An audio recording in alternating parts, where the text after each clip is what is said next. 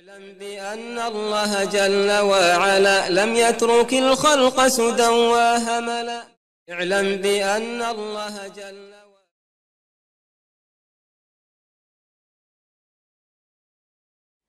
بسم الله الحمد لله الصلاة والسلام على رسول الله. استعين بالله لا حول ولا قوة إلا بالله. اللهم لا سهل إلا ما جعلته سهلا وأنت تجعل الحزن إذا شئت سهلا اللهم أرنا الحق حقا وارزقنا اتباعه وأرنا الباطل باطلا وارزقنا اجتنابه ولا تجعل الحق ملتبسا علينا فنضل اللهم آت نفوسنا تقواها وزكها أنت خير من زكاها أنت وليها ومولاها برحمتك يا أرحم الراحمين. ربنا لا تزغ قلوبنا بعد إذ هديتنا وهب لنا من لدنك رحمة إنك أنت الوهاب. اللهم اجعلنا هداة مهتدين غير ضالين ولا مضلين يا أكرم الأكرمين. اللهم إنا نسألك حسن الخاتمة ونسألك التوبة النسوح قبل الموت. اللهم إنا نعوذ بك من همزات الشياطين ونعوذ بك رب أن يحضرون. اللهم يسر ولا تعسر. اللهم بارك وتمن بالخير. أما بعد Sva hvala i zahvala pripadaju samo Allahu, savršenom gospodaru svih stvorenja. Nega hvalimo zbog njegove savršenosti, njemu zahvalijemo na svemu što nam naređuje i određuje od blagodati i iskušenja od njeg pomoć, oprost i uputu tražimo koga Allah uputi na pravi put. Taj je upućen do dženneta koga Allah subhanahu wa ta'ala pravedno zablude ostavi. Tome nema sreće, ni pomagača, ni upućivača na pravi put.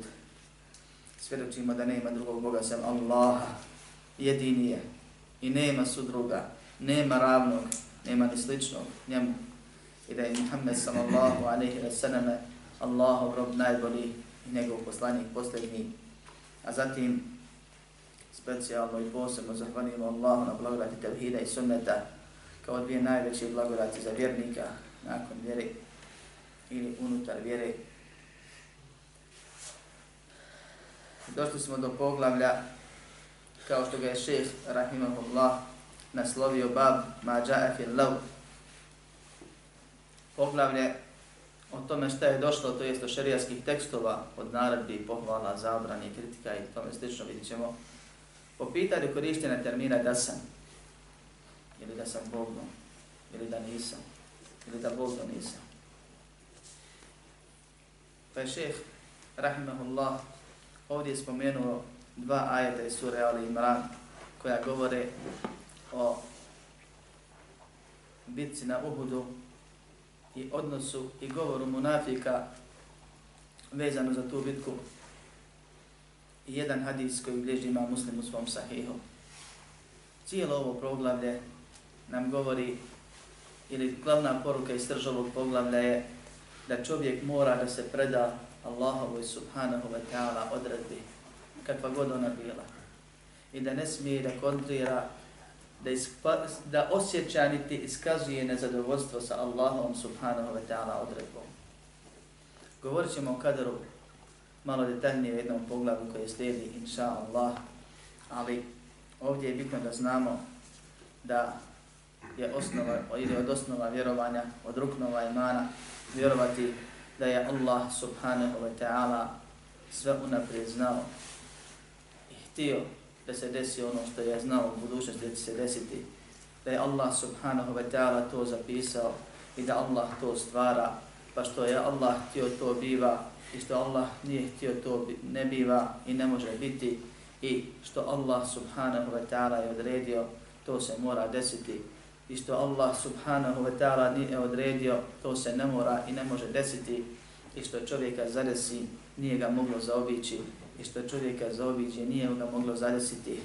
I musliman, pravi musliman, onaj koji vjeruje u Allahu subhanahu wa ta'ala jednoću uvjeđenjem, riječima i dijelima, taj se predaje Allahu subhanahu wa ta'ala odredbi, taj je u najmanju ruku ispunjava vađib, to je strpljivi na Allahu subhanahu wa ta'ala odredbi koja njemu ne godi, znajući da je to ipak hajr, jer je to produkt djelovanja savršenog koji ne griješi, ali ne shvatajući taj hajr, pa je minimalno savurli, strpljiv na toj odredbi, a propisano je i pohvalno je da bude zadovoljan pa i zahvalan Allahu subhanahu wa ta'ala na dobro i na zlo koji ga zadesi. Musliman potpunog tevhida ne dozvoljava sebi da njegovo srce bude nemirno, da njegovo srce jedikuje, da njegovo srce u depresiju pada, da njegovo srce mrzi ili srdi se na svog gospodara zbog toga što mu je nešto odredio. Čuvaj svoj jezik. Ne dozvoljava svom jeziku onome što, ono što ne dolikuje onome koje je potpunog imana, koje je potpunog terhida, koji istinski vjeruje da je samo Allah savršen i da savršen ne griješi, da je samo Allah gospodar i da ima pravo i da radi što hoće, on neće i nije i nikad ne može biti pitan za ono što radi, a mi ćemo biti pitani. Već se musliman preda Allahovoj subhanahu wa ta'ala odredbi i čuva svoj jezik od ispodavanja, od rečenica koje mogu značiti da, sa, da on nije zadovoljan sa onim što ga zadesilo. Također čuva svoje organe, svoje ruke i ostalo od iskazivanja nezadovoljstva onda kada je najbitniji sabor pri prvom udarcu Allahove odredbe koja najizgled nije dobra po čovjeka. Osobina onih koji su nemuslimani ili onih koji se lažno pretvaraju da su muslimani, munafika je nezadovoljstvo sa Allahom odredbom, kao što je i nezadovoljstvo sa Allahom šarijetom. Pa oni svako malo u belajima se prepoznaju i u iskućenjima se prepoznaju i tad počnu da pametuju. Pametuju Allahovim robovima, a svi njihovi prigovori direktno idu Allahu uzvišeno. Jer ili prigovaraju na šerijat, na neki propis, niste trebali tako, da, ste to, da niste to uradili, ne bi vas to i to zadeslo, a to obavezno šerijatska. Ili pak prigovaraju na Allahovu kader, na odredbu. Pa da nisi to i to, ne bi te zadeslo to i to i to mi slične stvari, da si mene slušao, ne bi. A već se desila stvar, završeno, prošlo. I pokažu se u tim belajima, nakon što se spusti određeni musibet na pojedinca ili na zajednicu, pokažu ono što je u njihovim srcima od neispravnog vjerovanja. Zato Allah subhanahu wa ta'ala njihove riječi u Kur'anu spominje i šejh odabire kao prve dokaze za ovo što hoće da dokaže, odabire znači dva ajeta gdje se njihov govor spominje da kaže ljudima da je ovo osobina munafika, da je ovo osobina onih koji su neispravni, onih koji, onih koji Allah mrzi, da ovo ne smije biti osobina vjernika, da vjernik radi suprotno tome, da vjernik misli suprotno tome, da vjernik vjeruje i govori suprotno tome. Pa jedna od tih rečenica, neću se puno zadržavati na to, ko želi mi pogledao u suri Al-Imran Tefsir i nek vidi detalje oko toga. Jedna od tih rečenica je bila يَقُولُونَ لَوْ كَانَ لَنَا مِنَ الْأَمْرِ شَيْءٍ مَا قُتِلْنَا هَهُنَا Kažu da se nas šta pitalo, ne bi mi zaginuli ovdje.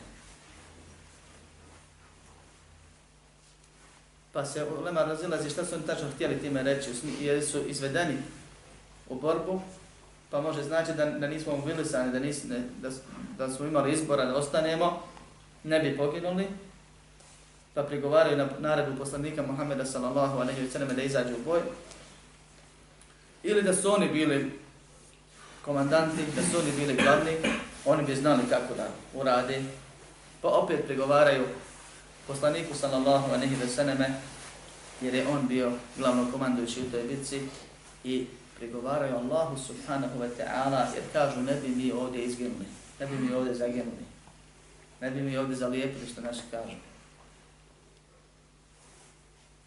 Oni znaju sad kako bi to bilo, kad bi bilo da bi bilo, šta bi bilo i tako dalje, a ono već bilo onako kako je Allah htio. Je završena stvar. Pa je ovdje jasno prigovor kaderu, jer kažu ne bi mi ovdje izmijenili. A dio učenjaka kaže da je ovdje u ovom ajetu i prigovor šarijetu. Jer ovdje prigovaraju Muhammedu sallallahu aleyhi ve selleme po jednom razumijevanju ajeta, što ih je izveo u boj, što je kako, nije rasporedio kako treba po njihovom i tako dalje. Iako znamo za uzroke i uzroke prvobitnog poraza u drugoj fazi od tri faze bitke na Uhudu, da nije bio znači uzrok pogrešan raspored od strane Muhammeda sallallahu alejhi ve selleme, nego upravo ostavljanje naredbe poslanika Muhammeda sallallahu alejhi ve selleme i pokornost ostavljanje sunneta glavni uzrok poraza, jer nisu poslušali ono što im se reklo, a razlog tome je bila pohlepa.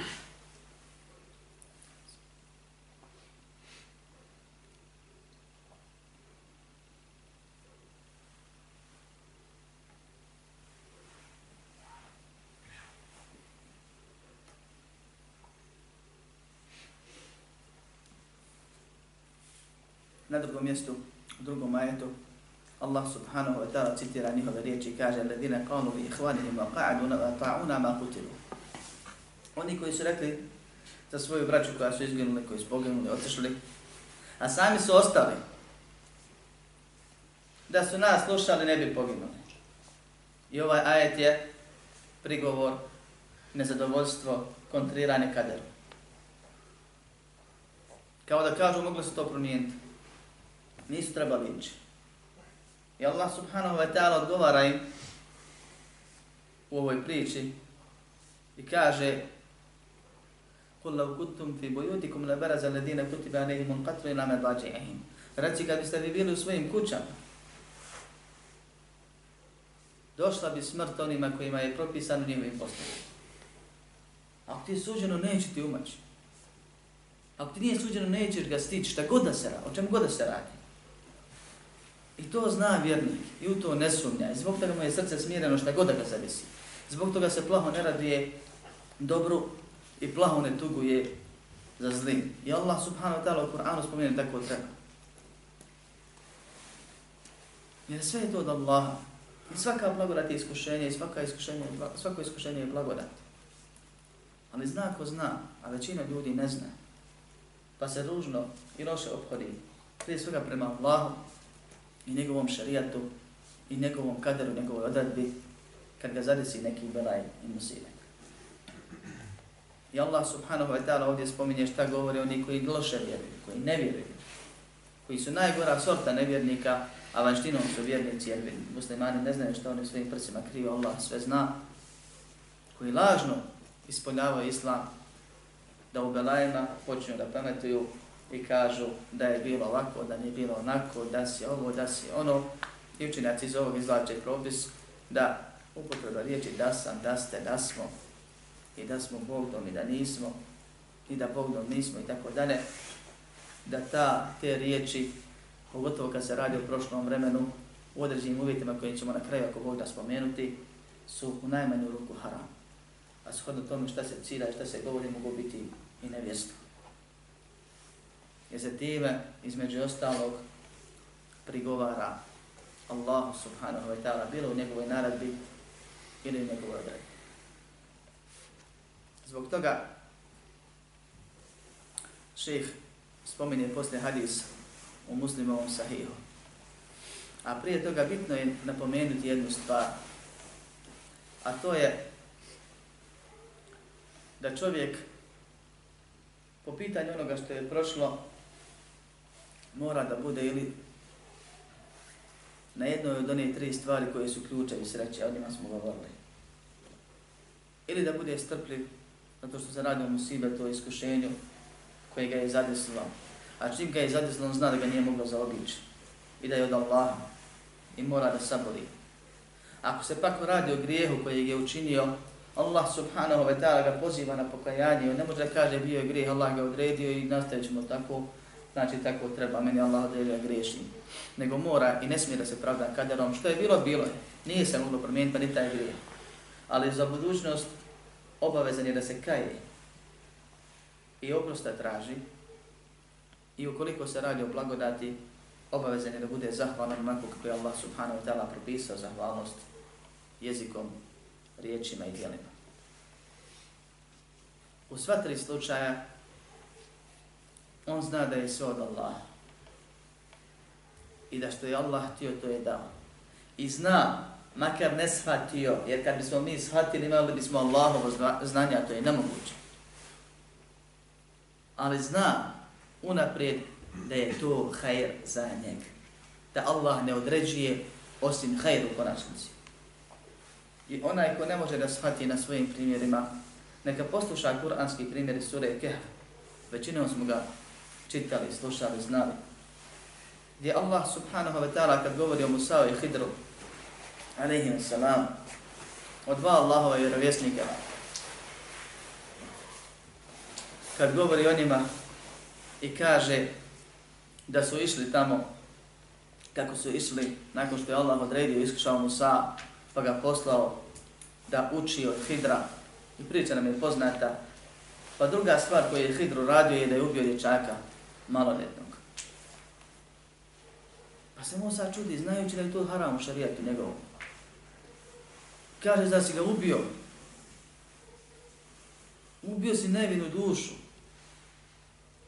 Pa mu kaže, zar ti već nisam rekao da nećeš moći samo osabrati, jer to je ovo što ja ću ja raditi je suprotno onome što, što ti znaš od istine koja je tebi objavljena. Na kraju pojašnjava i završava riječima ma fa'altuhu an emri. Ja to nisam uradio po svom nahođenju, nego je to bila objava i to je dokaz da je Hidr bio vjerovjesnik.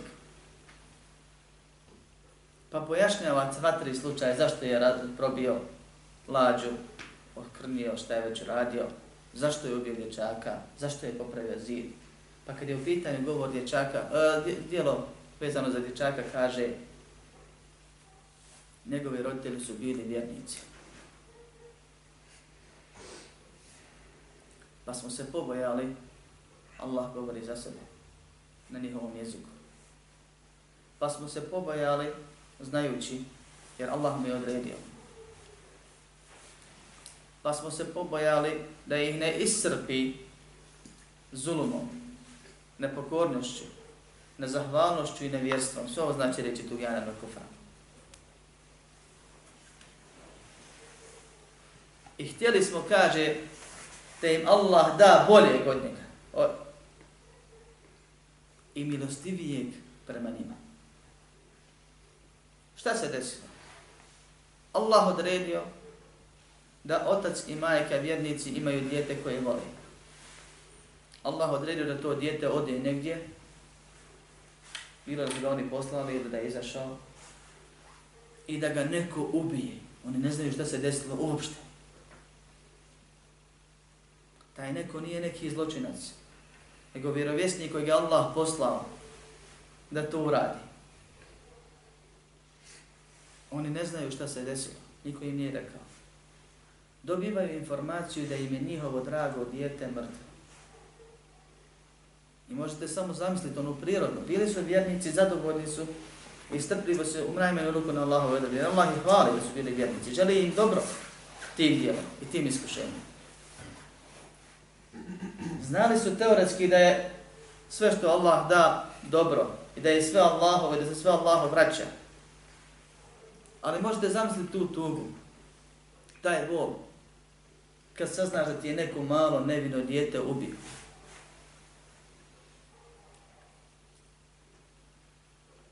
A tu bio razlog pozitivan. Krajnje ishodište dobro bilo na kraju rezultat. Allah im, Allah im htio dobro. I zamijenio im bolje kasnije.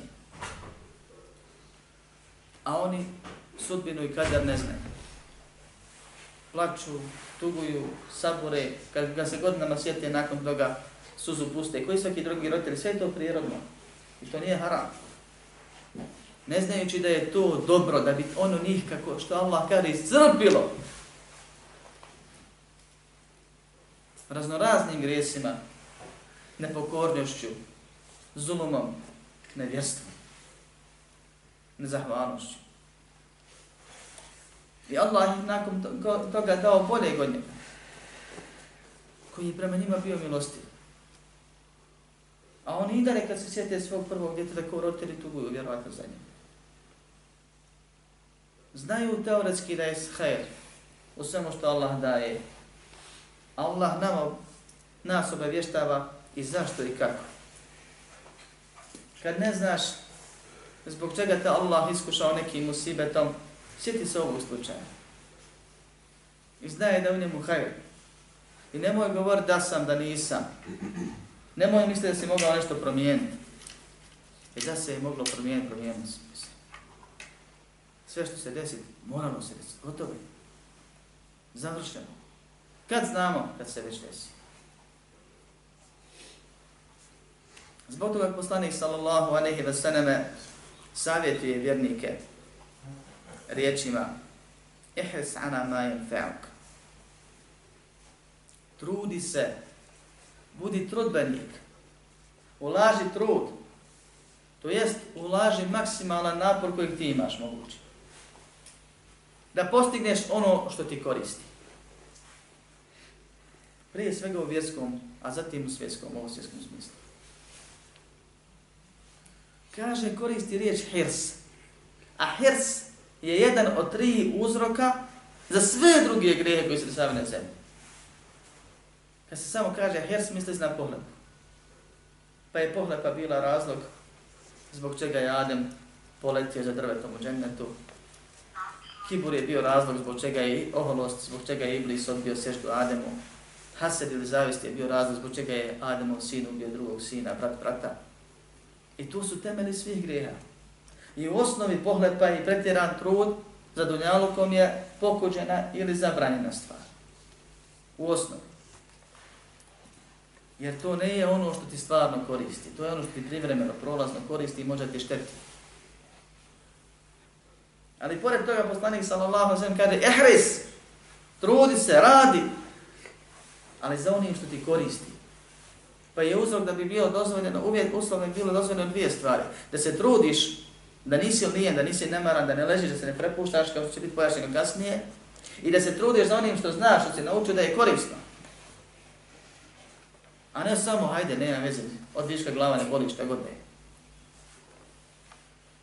Međutim, koliko god se ti trudio, znaje da ne možeš postići osim ono što ti Allah subhanahu wa ta'ala odredio.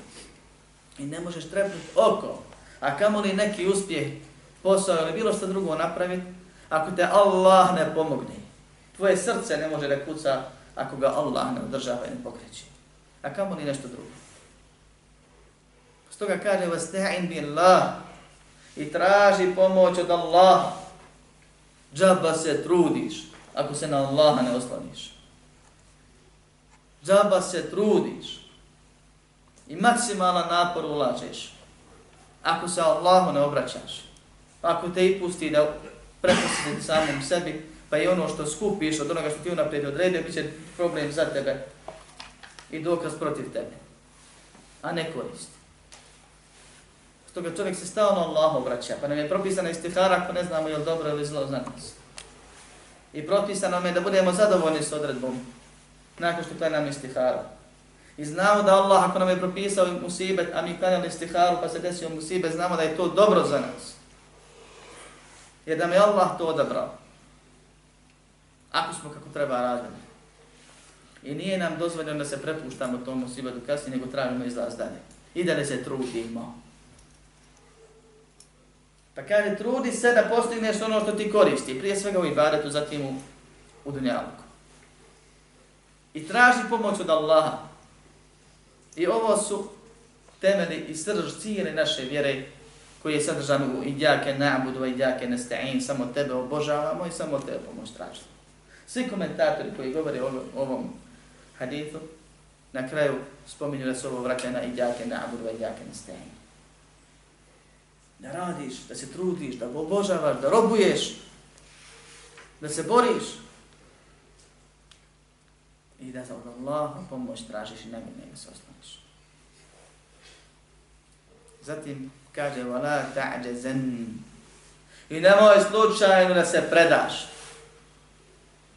da lijen budeš, da se prepustiš, da čekaš da ti samo dođe, da kažeš ne mogu, a nisi ni probu, nisu noćan maksubalan trud.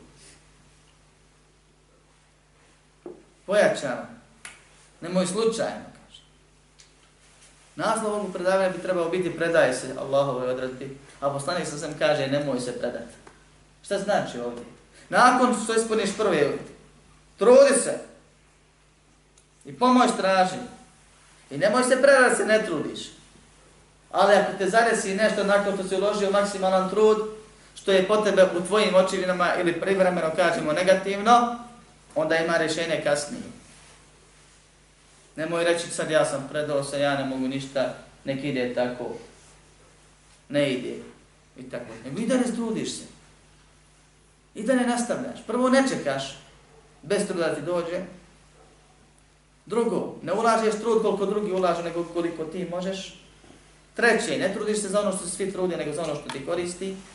Četvrto, tražiš pomoć od Allaha i ako ne uspiješ, ako ne bude kako si planirao, kako si mislio, kaže fa in wa in sabaka shay'un fara taqul anni fa'altu kada wa kada. Ako te kaže pogodi neka nedaća, nakon svega toga, nemoj reći da sam uradio tako bilo bi drugačije, da nisam ovo bilo bilo. Ono. Nego reci qadarullah qadar Allahu ma sha'a fa'ala ili qadarullahu ma sha'a fa'ala. Allah odredio i šta je htio tako se desilo. Ili to je Allahova odredba i šta je Allah htio tako se desilo. Tako je uradio. Ako ne ispadne onako kako si planirao, sve si maksimalan trud si uložio i nisi čekao i nadao se, imao neke puste želje, nego nada bila stvarna koji prati djelo, a ono smo govorili, kad smo govorili o nadi, ispadne suprotno, znaj da je to Allahova odredba i da se ona nije mogla promijeniti i da je to iskušenje. Iskušenje koje u konačnici, kad smo mi bili pravi vjernici, zaslužuje zahvalnost i zadovoljstvo. A ni minimalno smo obavezani da osaborimo. Da ne govorimo da sam, da sam, kao da si mogao promijeniti. Nego da kažemo Allah odredio, alhamdulillah, Allah zna u čemu je hajr. Hvala Allahu na svakom stanju. Što Allah je htio, to je s nama uradio. Kad planiraš nešto, kažeš, vidjet ćemo šta će Allah sa mnom uraditi. Ne znam. Probam, trudim se.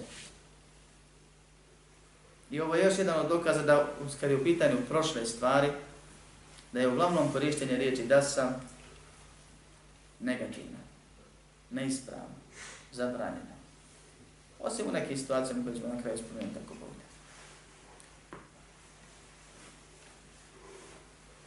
Primjer ovoga je, braćo moja, kad čovjek hoće da radi neko dijelo, poput ženitve, gradnje, biznisa, i klanja istiharu jednom ili više puta, i krene i na Allaha se osloni, i zatim se desi suprotno onome što je očekivao. On i dalje je obavezan da se trudi u onome što će mu koristiti. I nije mu dozvoljeno i da se prepušta i da se predaje. Nego ukoliko se desilo nakon ženitbe ženom koju on misle da je odgovarajuća za njega i klanjao istifaru i uzeo uzroke i provjerio što treba. I oženio se. I prošlo vremena. I problem na problemu. I pokušava riješiti ono ne može. Obavezno je da traži lijeka da se razvede. Ako ništa drugo ne pali. Ako posao propada, obavezan da se čupara, zatvara ako mu ta gradnja ili to auto ili nešto što je napravio, vidi kasnije da nije dobro za njega, nije mu dozvoljeno da se kaje i tuguje i da govori da nisam Bog dom, nego da se čupa, da prodaje, da se seli, da mijenja. Da se ne propušta slučaj, da se i da ne bori. I da zna da je taj period Allah mu odredio kao pušnju da vidi kako će postupiti.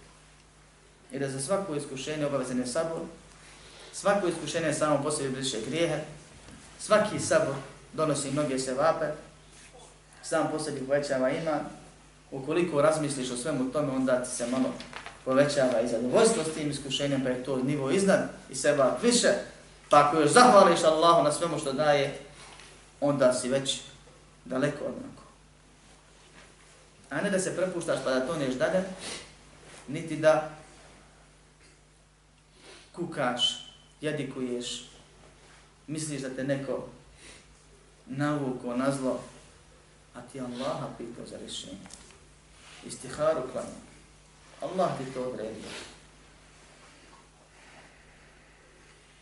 Nego čovjek mora da se kontroliše u takvim momentima. Koliko nešto ne velja, mijenja se, popravlja se. Ali ono što je bilo, bilo i ne može se promijeniti. I na tome se Allahu treba da zahvali, ali ne mora. Ali minimalno mora da osabori. I ne smiju se koristiti termini tipa da sam, da nisam. Pa ovi termini se mogu koristiti suprotno šarijatu i to je grije, to je problem, to je kufr. Mogu se koristiti suprotno kadaru i to je veliki grije u najmanju ruku, a shodno ubjeđenju može biti i nevjerstvo, kao što je slučaj sa govorom munafika, da nije otišao u džamiju na obavezni namaz, pa ga nešto zadesilo, ne bi kaže poginuo, ne bi ovo da je mene slušao. Šta je trebao slušati? Treba da sluša da griješi, da ne ide, da se ne odazove onome što mora se odazvati. Ili da nije kupio to i to auto, ne bi poginuo, ja sam njemu govorio nemoj kupiti auto, on njemu imao nesreću, poginuo. Kakve to veze ima? Ti znao da će on baš u tom auto poginuti? Nisi mogao znati. Nije dozvoljeno govoriti. Da je, da nije, da mogu i tako dalje. Također, bilo koje vid korištenja riječi da sam ili da nisam, kad se izražava jedikovanje, žal za prošlošću, osim kad je u pitanju nešto što ti sad znaš da je bio grije i to u smislu kad bi imao ponovnu priliku ne bi tako odabrao. Kao što kaže poslanik Salomon, ili da je nešto bolje, da si propustio nešto bolje. Ali to je već ima smisla, ili suština toga je govor o budućnosti, a ne o prošlosti. Kad se malo bolje razmisli. Jer kao da kažeš da imam ponovnu priliku, dakle ona treba da dođe. Ali u svakom slučaju, kaže poslanik sallallahu alaihi ve sallam, ispomenu se od ashabo da iše, da su govorili za neke druge stvari, levi ste peltu min al emri me ste bert. Kad bi ponovno imao priliku da radim ono što je prošlo, pa kaže ne bi ovaj puta poveo sa sobom onaj hedji, kurban za nego bi uradio drugu vrstu hađa, na primjer. Jer mu je među vremena objavljeno da je ta druga vrsta se vapnija ili lakša i tako dalje. I onome što znamo da je loše, kad kažemo, kad bih mogao imati ponovnu priliku, kao što često znaju starije žene da, da malo provociraju svoje djedove, pa kažu da mi je ova pameta one godine ne bi se za tebe udala i tako dalje. Ovaj, u takvim situacijama to ne smeta ukoliko se misli znači da ti sad znaš šta je bolje, šta je lošije, pa da bi ti izabrao ono što je bolje. A ne ti kukaš, jadikuješ, prigovaraš, boluješ, za onim što je prošlo, a znaš da je već završeno. Allah odredio, nije se moglo promijeniti. Zato kažu četvrta situacija, rekao sam prigovor šarijatu, prigovor kaderu direktni za određene situacije, bilo koje vid iskazivanja nezadovoljstva sa kaderom, kukanje, jadikovanje, to je sve zabranjeno. Četvrta situacija je izražavanje želje. Ona često biva za budućnost, a neka se koristi riječima koji ukazuju u prošlost. Iako su one ponovno, znači, prizivanje prilike, u tim situacijama se kaže izražavanje želja ako želi dobro, onda je seva, a ako želi zlo, onda ima grije. Kad kaže kad, da sad imam priliku, čovjek koji je, na primjer, radio neku obavezu, pa zbog te šerijatsku obavezu, pa zbog te obaveze izgubio nešto od dunjaluka, nakon što prođe desetak, 15, 20 godina uvjeri, pa mu ima oslabio, umjesto da raste zbog razloga koji je on radio, kaže da sad imam priliku, ne bi to radio. Žali za onim što je prošlo. Pa izgubi selap, a već je bio izgubio ćevap. Zbog toga čovjek ko priželkuje zlo, piše mu se zlo. Ako s druge strane bude od onih za koji poslanik sallallahu a nehi veseleme kaže nema haseda, nema zavist osim dvije situacije i to je pozitivna zavist prema čovjeku kojem je Allah dao znanje pa ga on širi i radi po njemu i prema čovjeku kojem je Allah dao imetak pa ga on dijeli na Allahovom putu. U tom situaciji čovjek može reći da i ja imam tako, ako je ubeđen tako. I može pomisliti da i ja imam tako, ja bih volio da imam tako da dijelim, ja bih volio imam tako, da imam tako da radim i tako dalje. S tim da ove situacije, braćo moja, u osnovi često su šetanske spletke. Čovjek pokušava po prirodi svojoj da se nekako istrgne iz sistema kojeg je Allah propisao kao najboljeg za njega odgovara njegove fitre, on ga vidi kao oko. On pa uvijek nekako pokušava da hvata krivine neke. Od malih nogu dok je živ. Jedan od primjera je kad čovjek kaže da Bog da dao svakome pa imeni. I o tome sam govorio. Pokušava Allah ne govori da da njemu zato što je on dobar, on želi svakome drugom. A šarijat u šarijaskim stvarima od nas traži da brinemo se o sebi, a zatim o drugim koliko možemo. I da dovimo mi sebi, pa drugim. Jer se Allah ne može nagovoriti prevariti. Drugi dio je, ili drugi vid, kad čovjek dođe i kaže da ja imam, preželjkuje da mu je da ima, on gleda u imetak, ne gleda u dijeljenje. On gleda u, u neke druge stvari, ne gleda u onaj korist, zbog čega je poslanik sam rekao, pohvalio tu zavist. Pa pokušava time da kaže, ja rab daj imeni, pa di, i dijelit ću ja. A ne daj imeni da dijelim. Velika razlika Pa ga Allah subhanahu wa ta'ala skoro pa redovno iskušati. I Allah subhanahu wa ta'ala govori u suri Taube o ovoj skupini ljudi.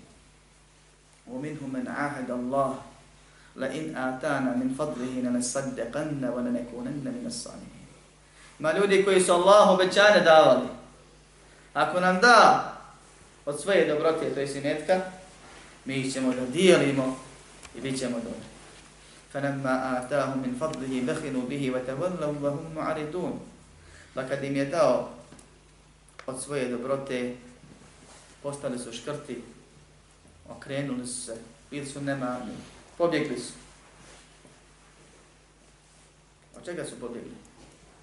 Samo od ispunjavanja svoje obaveze. Od Allaha pobjeći ne mogu. Jer ih je stiglo nešto gore od onoga što su trebali da uradi. فَأَعْقَبَهُمْ نِفَاقًا فِي قُلُوبِهِمْ إِنَا يَوْمِ يَلْقَوْنَهُ بِمَا أَخْلَفُ اللَّهَ مَا وَعَدُوهُ وَبِمَا كَانُ يَكْفِرُ Pa im je Allah kao kaznu dao nifak u njihovim srcima od vjernika napravio munafika. Zato što su iznevjerili i prevarili Allaha ono što me, onome što su mu obećali i zato što su lagali. I kogod priželjkuje neke stvari i pokušava da se igra sa Allahom izgubit će. I zato je bitno da insan pazi šta govori, jer će mu često doći ono što je pričao, makar nakon 15, 20, 50 godina, I čak i da pazi šta misli, od nekih selefa se govorili da, govori da pazi šta misli, šta priželjkuju u srcu, a kamo li jeziku. Jer im Allah da i provjeri ih s tim. I koliko je onih koji su govorili da imamo udruženja, da imamo geći naders, da imamo ovo i ono, da ne idemo potuzli, da ne idemo daleko, pa ih nema ovdje. A zato ih ima milion drugih harama. To se vidi kad počnu nekad da šalju koje kakva pitanja. Koliko je oni koji su govorili da mi je da zna, ne zna, da imam gdje učiti, da imam gdje čut, pa kad sazna propis, opet mu teško ga primjenije, pa počne tražiti krivine i pita nekog drugog, dok ne nađe nekog ko će mu reći ne mora se baš tako. I onda ga vidiš, kad je izložio, izložio svoju vjeru na izlog, okupovaš je drugi. Vidiš kako se to osipa, da Allah sačuva. Vjera je najveća blagodat. I ono što čovjek u ime vjere želi, mora da bude iskren u tome. Iskrenost je obavezna u svemu, ali posebno u ovom. Allaha se ne može prevariti. Allah zna koliko je čije srce bolesno. A ne samo je li zdravo ili bolesno. Allah zna koliko je ko spreman našte. Allah je savršen. Allah ne griši. I Allah ima sve zakone na zemlji, sve sunnete preko kojih se ophodi sa svojim robovima. I po istom šablonu prođu svi. Ko dobro čini, dobro mu se vrati. Ko zlo čini, zlo mu se vrati zloga zadesi. I tako druge stvari. Ko je milostiv, Allah mu se smilo je. Ko pomaže, Allah ga pomogne. Ko zulum čini, Allah ga odmogne, pa njemu drugi zulum čine. I tako dalje. Tako dalje. Jedna je od tih stvari je ova koju sam spomenuo večeras, koja je bitna, neko koju treba napominjati svako malo. Ljudi svašta priželjkuju kad su u belajima. A kad dođu blagodati, da sve to zaboravi, ili većinu toga zaboravi. Pa im Allah da duple belaje, još veće odnosu na one prije. I zato čovjek treba da od Allaha traži ono što je najbolje za njega. i da se moli i da se na Allaha oslanja i da se da trudi onome što mu sigurno koristi, a da ne je ni po pitanju onoga što je prošlo, ni po pitanju onoga što slijedi. S obzirom da ima još vremena, uzet ćemo nakratko i sljedeće. Kaže poslanik sallallahu alejhi ve sellem: fa inna law taftahu amala shaytan jer riječi da sam otvaraju prostor djelovanju šejtanskom. Zašto? Zato što radi grije prije svega. Zato što mu se stvara nezadovoljstvo sa Allahovom odredbom, pa desi se znači da zapadne u raznorazne probleme kasnije od depresije pa nadalje. Zato što svaki grije sa sobom povlači novo iskušenje, zato što mu iman pada i tebi dopada i tako dalje. Sve su to prostor za djelovanje šetana koje učinjaci spominju. Kaže šeh u narednom poglavlju Babu nehijan sebi rih. Poglavlje koje govori o zabrani da se kritikuje vrijeđa, grdi, vjetar. Mi smo govorili, braćo moja, o kritikovanju, o psovanju vremena. Vremena kao ne vremenskih uslova, nego vremena općenito. U što spadaju i vremenski uslovi? Jedan od načina ili situacija čestih je da ljudi prigovaraju Allahovoj vojsi. Pa kad se dese poplave, psuju im što su ih poplavile. Pa kad se desi sibirski oal, nazovu ga zvije sa istoka, pa ovakav je, pa onakav je, pa minusi, pa ovo, pa ono. Pa kad dođe malo vrućine, opet se psuje i grdi ta toplota. A sve to se vraća na onoga koji svim upravlja, gospodara svih svjetova. Jedan od Allahovih vojnika koji je Allah uništavao čitave narode i koji ga Allah stalo šalje kao opomenu je vjetar. Često dođe, skine malo krova, pa čovjeku teško, a mogao ti i glavu skinuti. Nisi svjestan koliko te Allah zaštiti i koliko je to jaka pojava. Mogao te otpuhati da te nikad ne naću.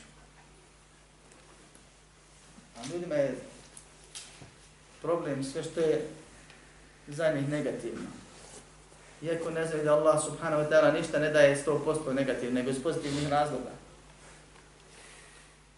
A poslanik sallallahu alaihi wa sallam kad vidi vjetar, kad vidi crne oblake, uznemiri se. Izađe, uđe, promijeni se njegovo lice. Jer je znao šta je Allah s, tim vojsko, s tom vojskom radio sa prethodnim narodima. Prije svega sa Adom. Pa kad pita Eša, radijallahu anha, zašto to? Pa joj citira ono što su oni govorili.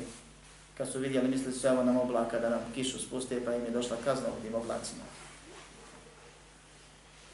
Dok kod nas ljudi kad je lije fin vjetar, dobro je, čim se malo uzburka, umjesto da se sjete svojih greha koji ima traže od Allaha belaja da ih iskuša, oni odmah počnu da kritikuju, da grde, da ga raznim imenima nazivaju, da psuju, pa još više belaja sebi navlače.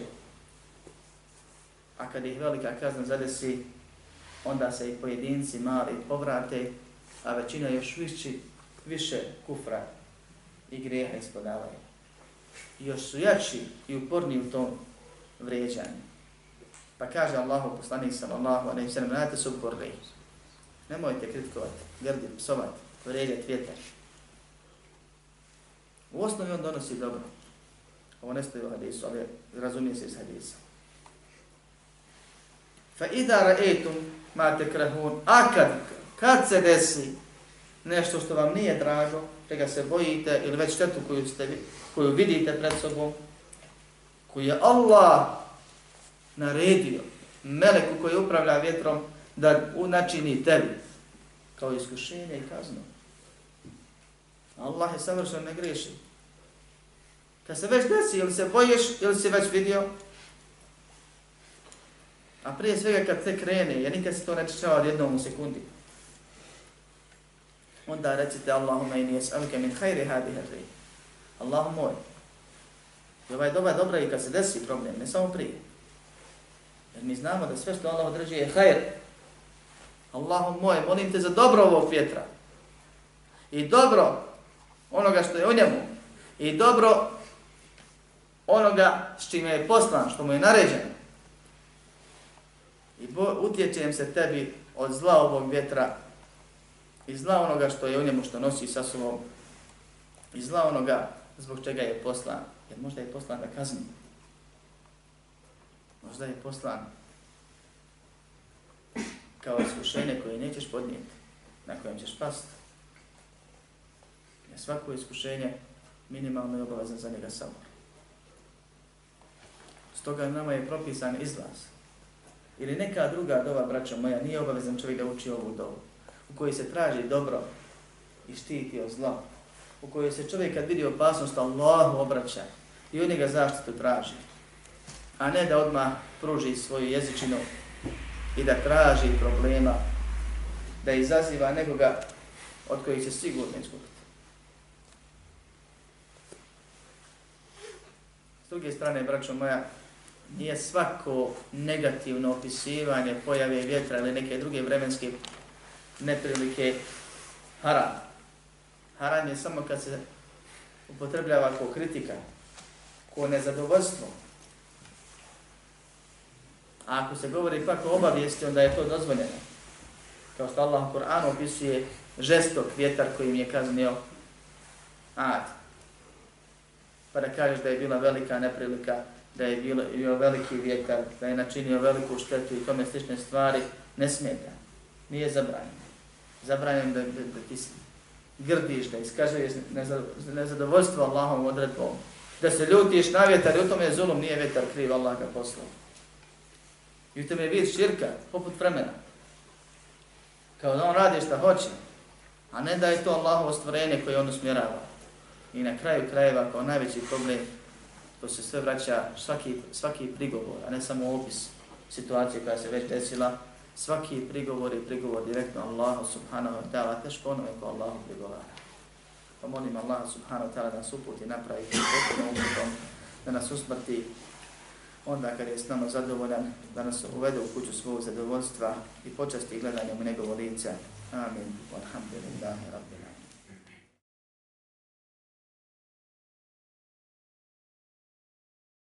اعلم بأن الله جل وعلا لم يترك الخلق سدى وهملا. اعلم بأن الله جل